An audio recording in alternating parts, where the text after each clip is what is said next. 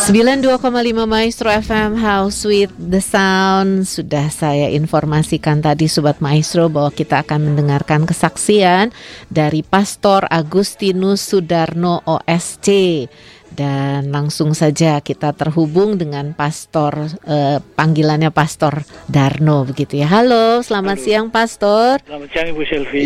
Iya, apa kabar hari ini? Baik-baik Ibu Selvi. Oke, langsung saja saya berikan waktu kepada Pastor Agustinus Sudarno untuk membagikan kesaksiannya. Silakan Pastor. Oke, terima kasih. Selamat siang, Opa, Oma, Bapak, Ibu, dan saudara yang terkasih. Selamat berjumpa lewat udara.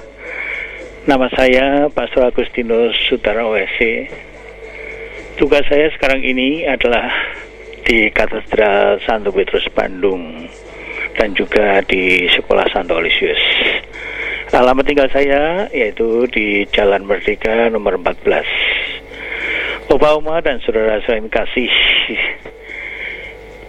saya dilahirkan dan keluarga yang besar yaitu enam bersaudara mm -hmm tiga laki-laki, tiga perempuan. Nah, luar biasa zaman dulu ya. Yang hebat itulah bahwa yang masuk biara itu tiga orang, dua laki-laki, satu perempuan. Mm -hmm. Sehingga hidup berkeluarga dua perempuan dan satu laki-laki. Oh, ini betul-betul bagi saya merupakan suatu keseimbangan ya. Ada yang di biara, ada yang di dalam keluarga. Ya. Nah, Bapak Ibu dan saudari, Opa Oma dan adik-adik sekalian, saya sebagai pastor ditapiskan tanggal 26 Juni 1985. Ya, belum tua sekali ya. Nah, setelah ditapiskan, saya bertugas di paroki Santo Yosef Cirebon. Mm -hmm. ya, tak lama setelah ditapiskan, bulan November tahun 1985 kakak saya yang bernama Pastor Satono Hardi SY ternyata dinyatakan gagal ginjal oleh dokter.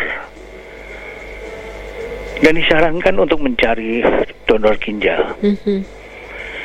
dan diharapkan dari keluarga itu yang paling baik paling mudah cocok daripada yang lain maka kakak saya meminta saya apakah saya bersedia menjadi donor darah, donor, donor ginjal. ginjal. Donor mm-hmm. ginjal. Mm-hmm.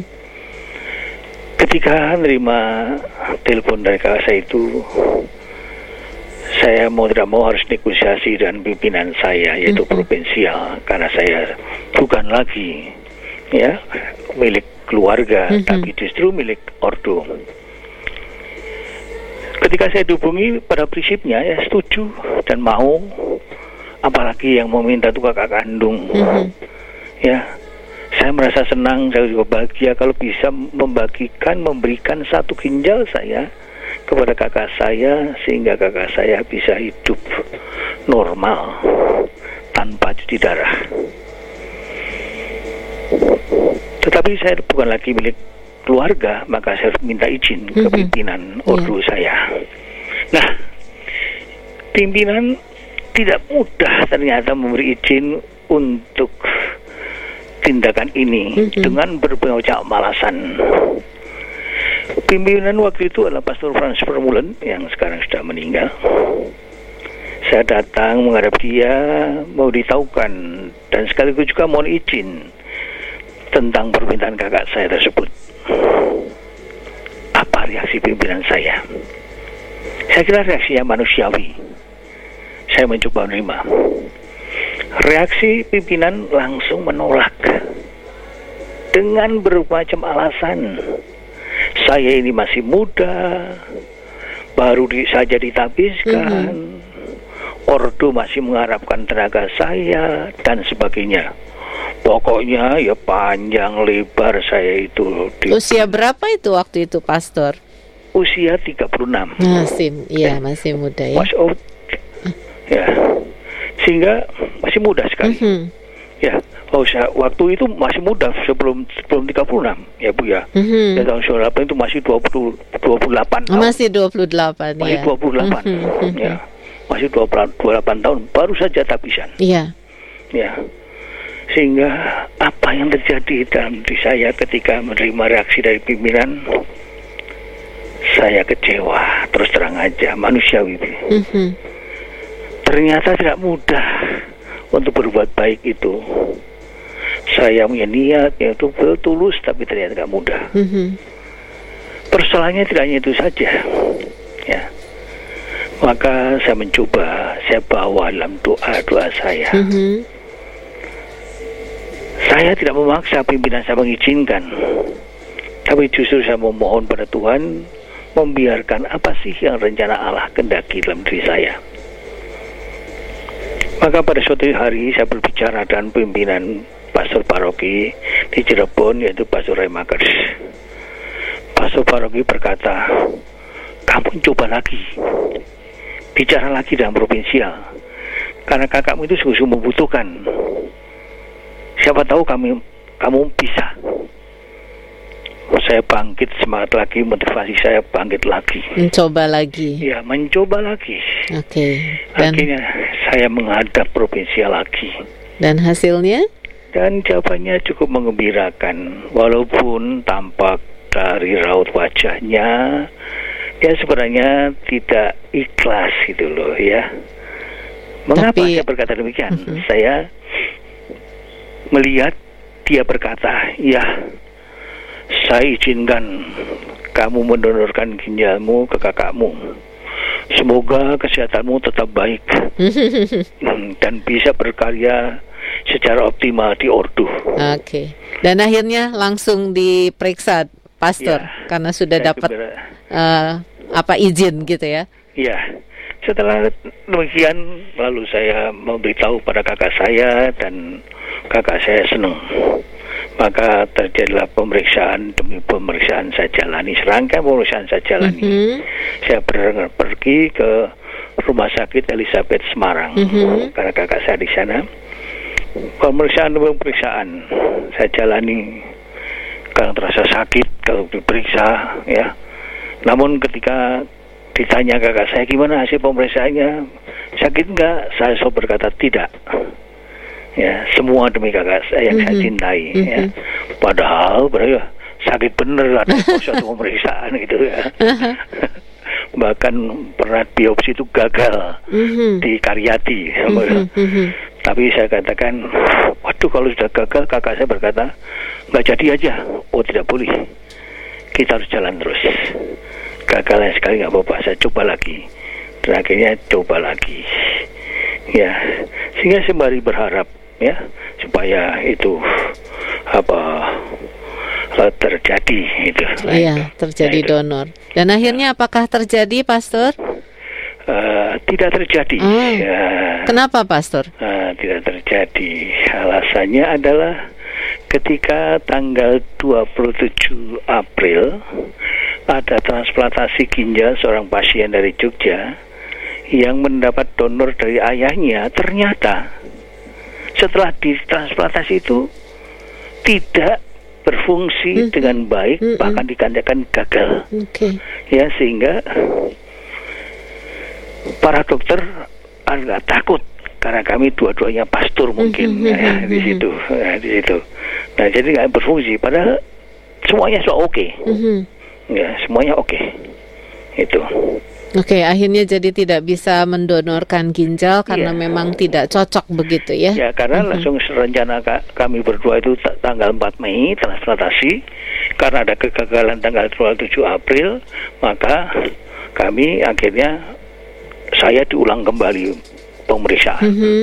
setelah terjadi pemeriksaan diputuskan bahwa saya tidak bisa menjadi pendonor Mhm. karena ada indikasi ginjal saya sendiri kurang baik. Oke, baik. Memang mungkin memang sudah jalan Tuhan begitu begitu ya, Ya, Aha. ternyata rencana Tuhan bukan rencana punya kita. gitu ya, gitu. Oke, dan akhirnya kakaknya tetap cuci darah begitu. Ya, Mhm. kakak saya tetap cuci darah. Ya, cuci darah karena waktu itu adik saya yang jadi suster juga mau menjadi pendonor tapi dia tidak mau. Sudahlah, Mhm, tidak mhm. usah. Akhirnya kakak saya cuci darah seminggu dua kali. Ya, dari mhm. Senin dan Kamis. Itu dijalani dari Magelang ya langsung uh, ke Panti Rapih itu seminggu dua kali. Ya, terus seperti itu.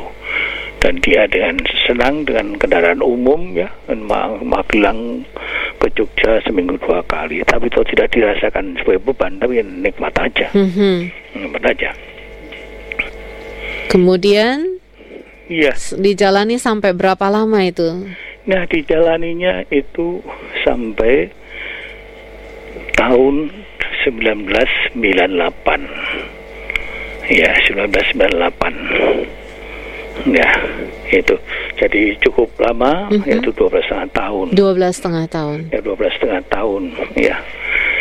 Sehingga kita menjalani itu, itu setelah 12 setengah tahun, pada suatu hari dia nelpon saya supaya datang, saya datang, ke Panti Rapih ya ke perawatan di mana dia dirawat ya waktu itu saya bertanya ada apa tiba-tiba minta supaya ke panti rapih ternyata setelah sampai di panti rapih hanya berdua dia berkata dengan mata yang berkaca-kaca mengeluarkan air mata dia berkata meminta kamu harus mewakili keluarga mengambil keputusan saya akan berhenti cuci darah. Hmm. Langsung saya terlintas. Ini berarti dia sudah siap mati. Mhm. Karena kalau orang yang berhenti cuci darah itu seminggu atau dua minggu itu pasti meninggal. Mhm. Nah pada saat itu seperti dunia itu seolah berputar ya. Waduh cepat sekali putarannya. Ya. Akhirnya saya berkata, sok bentar ya saya akan keluar dulu. Saya akan, nah, akhirnya saya keluar di lorong di rumah sakit itu. Saya berdoa sendiri agar mampu mengambil keputusan yang benar dan tepat. Iya. Saya sekaligus juga diminta mewakili keluarga, padahal tidak ada seorang pun keluarga di situ. Mhm. Hanya kami berdua di Mhm. ruang itu Mhm. ya keputusan yang tidak mudah sehingga setelah saya berdoa saya masuk lagi langsung berdialog kenapa memutuskan itu mau berhenti cuci darah saya rasanya sudah cukup ya sudah cukup ya ya saya bukan putus asa tapi saya yakin bahwa di sampai di sini hidupku Dan akhirnya mewakili keluarga untuk memutuskan seperti itu, Pastor Darno ya. Ya, tidak mudah. Saya seolah-olah harus pada kalau saya di eh, katakanlah dipertanyakan oleh keluarga saya harus bisa mempertanggungjawabkan. Mhm. Tapi setelah saya mulai ya sudah kalau sudah diputuskan semuanya pimpinan sudah tahu belum provinsial SY belum. Justru saya nunggu dari keluarga dulu, baru keluarga dulu. Kalau kamu oke, saya akan baru memberitahu pada pimpinan. Mhm. Oke. Saya katakan kalau memang sudah pikiran yang baik dan ini bukan karena keputusasaan, bukan karena kekecewaan, tapi sungguh-sungguh sikap menyerah kepada kehendak Allah. Baik hidup maupun mati kehendak Allah, Mhm. walaupun nanti setelah baju sejarah apakah langsung mati kita juga tahu ya, tapi itu biasanya seperti itu. Sehingga dia berkata, ya saya sudah siap. Maka dia berkata, sebentar lagi aku pergi tidak bersamamu lagi. Ya, kamu harus bisa menampaki lorong-lorong kehidupanmu tanpa aku. Tapi jangan takut, Tuhan itu akan selalu mendampingimu. Mhm. Karena dia tahu bahwa saya sudah waktu itu operasi jantung di Radboud Hospital di Belanda tahun 94. Jadi tahu juga situasi saya. Mhm. Maka dalam situasi yang kritis seperti itu dia masih bisa berkata, mengapa ya orang pada takut menulis dan berbicara tentang kematian? Padahal kematian itu sesuatu yang pasti bagi setiap orang. Banyak orang menulis buku tentang bisnis, sukses, motivasi dan sebagainya. Tapi tentang kematian hampir tidak ada orang yang menulisnya. Karena mungkin dia sudah merasakan bahwa kematian itu pasti ada dan tidak mungkin apa ditunda. Mhm. Maka malam itu sungguh malam kenangan dan juga malam perpisahan yang meninggalkan pesan dan kesan yang begitu tidak terlupakan. Oke, setelah mengambil keputusan mewakili keluarga, akhirnya menghentikan uh, cuci darah itu dan bagaimana keadaan kakaknya pastor sesudah itu? Ya, waktu berjalan terus, tinggal menghitung hari saja, Bu. Uh-huh. Sehingga hidup dalam arti sungguh-sungguh saya yakin berdaitan Allah. Uh-huh. Maka tanggal 10 Oktober 1998, jadi hanya kira seminggu, uh-huh. Romo Satono dipanggil Tuhan. Okay. Dia pulang dengan di kepangkuan Bapak dengan tenang. Kami pun ikhlas, keluarga-keluarga juga saya sudah saya siapkan harus bisa melepas semuanya yeah, pergi. Yeah. Karena walaupun dia tidak akan kembali lagi lah gitu ya, gitu. Hanya dia bertanya berkata, waktu itu ibu sedang stroke, ya maka diminta supaya ibu tetap dirawat dengan baik-baik mm -hmm. bahkan kalau meninggal pun harus di ya dimakamkan dengan baik-baik okay. saya katakan siap Oke, okay, dalam keadaan kakak seperti itu masih, masih memikirkan ibu begitu ya? Iya, mm-hmm. akhirnya belum dekat dengan ibu. Iya, iya. Ya maka tanggal 9 November ya ibu itu dipanggil Tuhan. Oke. Okay. Sehingga dalam waktu satu bulan itu kami betul-betul kehilangan orang yang mencintai iya. dan yang kami cintai. Kehilangan kakak dan kehilangan ibu, ibu ya. Gitu. Oke, okay, dan hidup berlanjut terus. Dan hidup berlanjut terus. Hanya adik saya yang tugas suster tadi yang tugas di Papua mm -hmm. itu kan nggak bisa pulang. Mm -hmm. Ya saya katakan nggak usah pulang jauh itu biaya mahal dan sebagainya nanti aja kalau udah libur udah libur baru bisa nengok gitu, gitu. tapi ya dia nerima dengan baik hmm. yang aneh lagi adalah ketika adik saya mau donor juga nggak boleh gitu kan mm -hmm. ternyata adik saya suster Quirina tahun 2000 mm -hmm. pulang dari Papua mm -hmm. ketika dia check up dia pun mengalami gagal ginjal. Aduh. Ya dia harus cuci darah. Mm-hmm. Dia pun nangis, reaksinya luar biasa. Kenapa saya begini, saya begitu. Saya ya dengan tenang berkata, kamu menjerit, kamu menangis, apa pun yang kamu lakukan, ginjalmu nggak akan berubah. Yang paling penting adalah menerima realita itu, ya terimalah dengan senyum. Dan menjalaninya ya. Menjalaninya, mm-hmm. menjalaninya.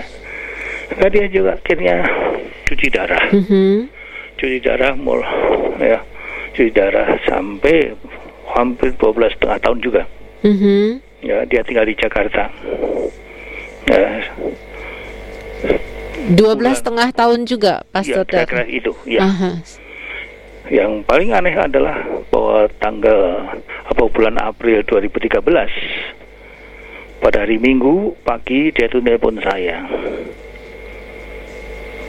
dia manggil saya selalu mas mas saya minta tolong minta tolong apa saya akan stop cuci darah juga. Aduh, untuk kedua kalinya untuk ya. Kedua kalinya. Meng menghadapi kakak menghadapi. ya, adik iya gitu ya. Maka waktu itu betul-betul saya menjerit di kamar sendiriannya itu berteriak, aduh. Kenapa ini dua-duanya harus minta keputusan pada saya? Iya, nah, tidak mudah berat, lagi ya. Berat-berat ya.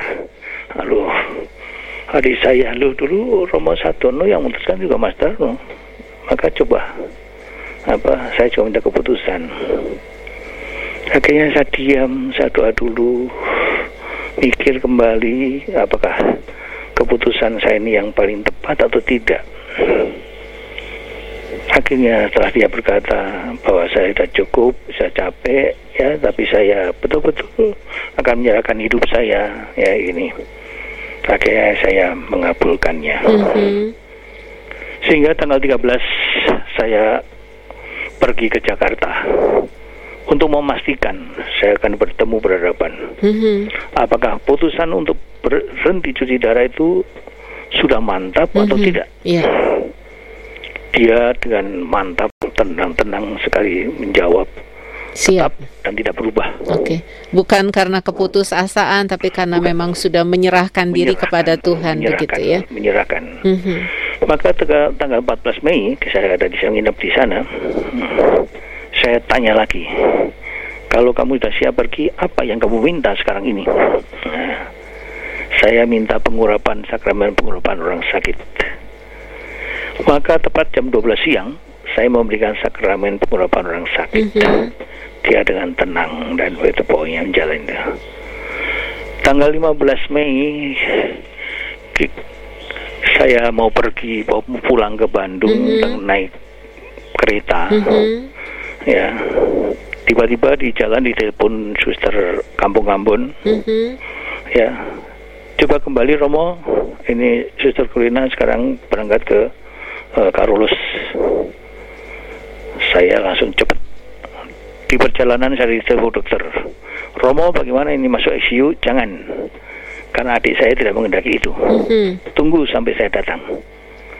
Langsung pakai taksi sampai di eh, Karolus Jakarta. Saya nemui adik saya. Saya katakan kalau sudah siap pergi, pergilah. Mhm. Kami keluarga ikhlas. Mhm. Tidak sampai 10 menit dia meninggal. Hmm. Ya, dia Ini lebih cepat ya kejadiannya cepat. daripada kakak yang waktu Ya, itu oh ya. lebih cepat. Ini Mhm. sampai sampai belum sampai berhenti. Seharusnya masih sekali cuci darah. Mhm. Nah, cuci darah.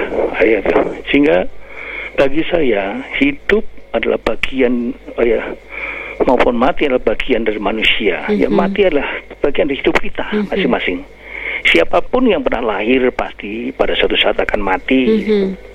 Ya, sebagai orang beriman ya kita percaya bahwa hidup dan mati ada di tangan Tuhan. Betul. Ya sehingga mengapa ini saya berkata demikian? Ketika saya operasi di Belanda, Radboud, Belanda, dokter Dr. Scott Nick itu pernah berkata setelah operasi, setelah saya sadar, ya Anda bisa bertahan sampai 17 tahun. Itu tahun berapa? Tahun Pas 94. 94. Sekarang sudah 27 tahun. Ah, perkiraan dokter beda lagi ya. Jadi kenyataannya sampai saat ini masih saya masih hidup. Mhm. Dan ini juga merupakan bukti bahwa hidup dan mati itu betul-betul di tangan Tuhan. Iya. Ya, sehingga bagi saya opa, oma, dan saudara sekalian, kita harus yakin bahwa hidup dan mati itu dalam tangan Tuhan. Mhm. Ya, mari kita merawat dan menjaga hidup ini. Mhm. Yang sudah tua tidak perlu putus asa. Ya, kalau kita harus minum obat, ya minumlah Mhm. terus menerus. Mhm. Bapak Ibu, saudara isi opa, oma, saya sudah 27 tahun minum obat. Ya, nah di sini. Terus apa yang harus kita lakukan pada saat kita sakit atau menderita? Pertama, kita tidak boleh putus asa. Mhm. Kita tetap harus hidup dalam pengharapan. Yang kedua, kita harus semakin mendekatkan diri pada Tuhan. Karena Tuhanlah yang memegang hidup kita. Hendaknya kita semakin semupuk, semakin memupuk iman kita Mhm. agar kuat memikul salib kita masing-masing. Setiap orang punya salib masing-masing. Iya. Yang berikutnya kita tetap bersyukur kepada Tuhan. Artinya tidak mudah mengeluh, Mhm. tidak mudah bersungut-sungut. Ya. Allah itu tidak pernah meninggalkan kita dalam Amin. suka maupun duka. Amin. Dan kita bawa penderitaan kita dalam doa setiap hari. Mempersatukan penderitaan kita dengan penderitaan Kristus itulah yang bisa memberi kekuatan pada saat kita mengalami penderitaan. Amin. Kan begitu aja, Bu Selvi. Oke, terima kasih banyak untuk kesaksian yang lengkap. Bagaimana harus mewakili keluarga, eh, memutuskan seperti itu nggak mudah. Makanya Pastor kasih kasih judul "Cinta di Balik Derita" ya, Pastor Iya, ya. nah gitulah. Jadi betul-betul saya tidak mudah terus terang aja. Mhm. ya. Oke, dan terima kasih untuk wejangannya ini untuk para opa, oma, bapak, ibu, om, tante yang sudah senior, seniorita begitu ya. Ya. Jalani tetap dengan pengharapan, jangan putus asa. Seperti pastor juga harus terus minum obat selama 27 tahun begitu ya. Iya. Nah, terus pikul salib dan bawa semua penderitaan kita dalam doa supaya penderitaan kita menyatu dengan penderitaan Kristus dan di situ kekuatan datang begitu ya pastor Ya, ya. betul Ibu Selvi. Baik. Iya. Oke, terima kasih Pastor Baik, untuk kesaksiannya. Ibu. Tuhan Semoga berkati. bagi semua saja. Hah, Tuhan berkati. Tuhan berkati dan tetap Ya. sehat Pastor ya. Ya. Oke. Oke.